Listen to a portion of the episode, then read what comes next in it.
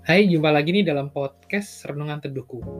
Podcast yang berisi renungan singkat dari firman yang kita baca dan kiranya bisa jadi berkat buat kita.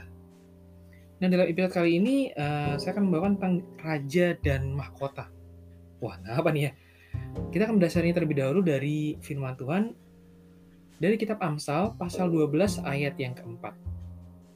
Istri yang cakap adalah mahkota suaminya tetapi yang membuat malu adalah seperti penyakit yang membusukkan tulang suaminya.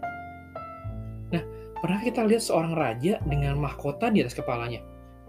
Ketika mahkotanya indah, maka perhatian awal orang yang melihat itu bukan pada siapa yang menggunakannya, tetapi justru pada mahkotanya terlebih dahulu.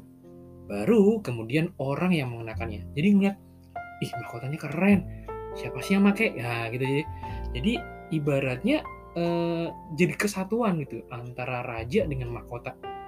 Kalau raja tanpa mahkota itu jadi aneh. Begitu pula sebaliknya, ada mahkota nggak ada rajanya. Jadi keduanya itu saling melengkapi. Nggak bisa salah satu eh, nggak ada gitu. Dua-duanya harus ada. Nah hal yang sama dengan relasi pasangan suami istri gitu ya.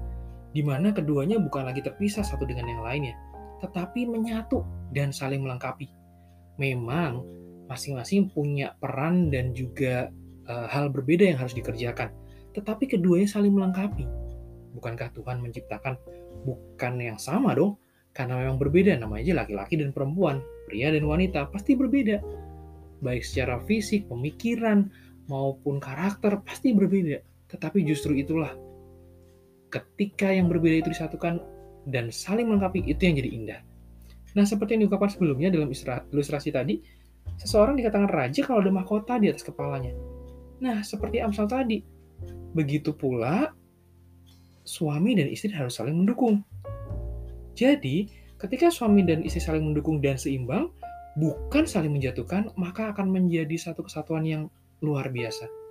Ketika sang istri memiliki kemampuan dan kompetensi, maka tidak hanya dirinya yang senang, tapi juga suaminya pasti akan bangga.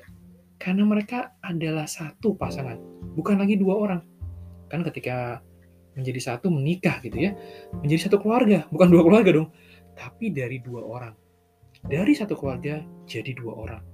Hal yang utama adalah mari kita belajar memahami peran masing-masing, baik dalam relasi seorang pasangan uh, suami dan istri. Mari kita belajar uh, memahami satu dengan yang lainnya, karena tanggung jawab satu dengan yang lain itu berbeda karena perannya juga berbeda, tetapi itu saling melengkapi. Seperti raja dan mahkota tadi. Oke, itu saja untuk episode kali ini. Kiranya renungan ini boleh jadi berkat. Tuhan memberkati.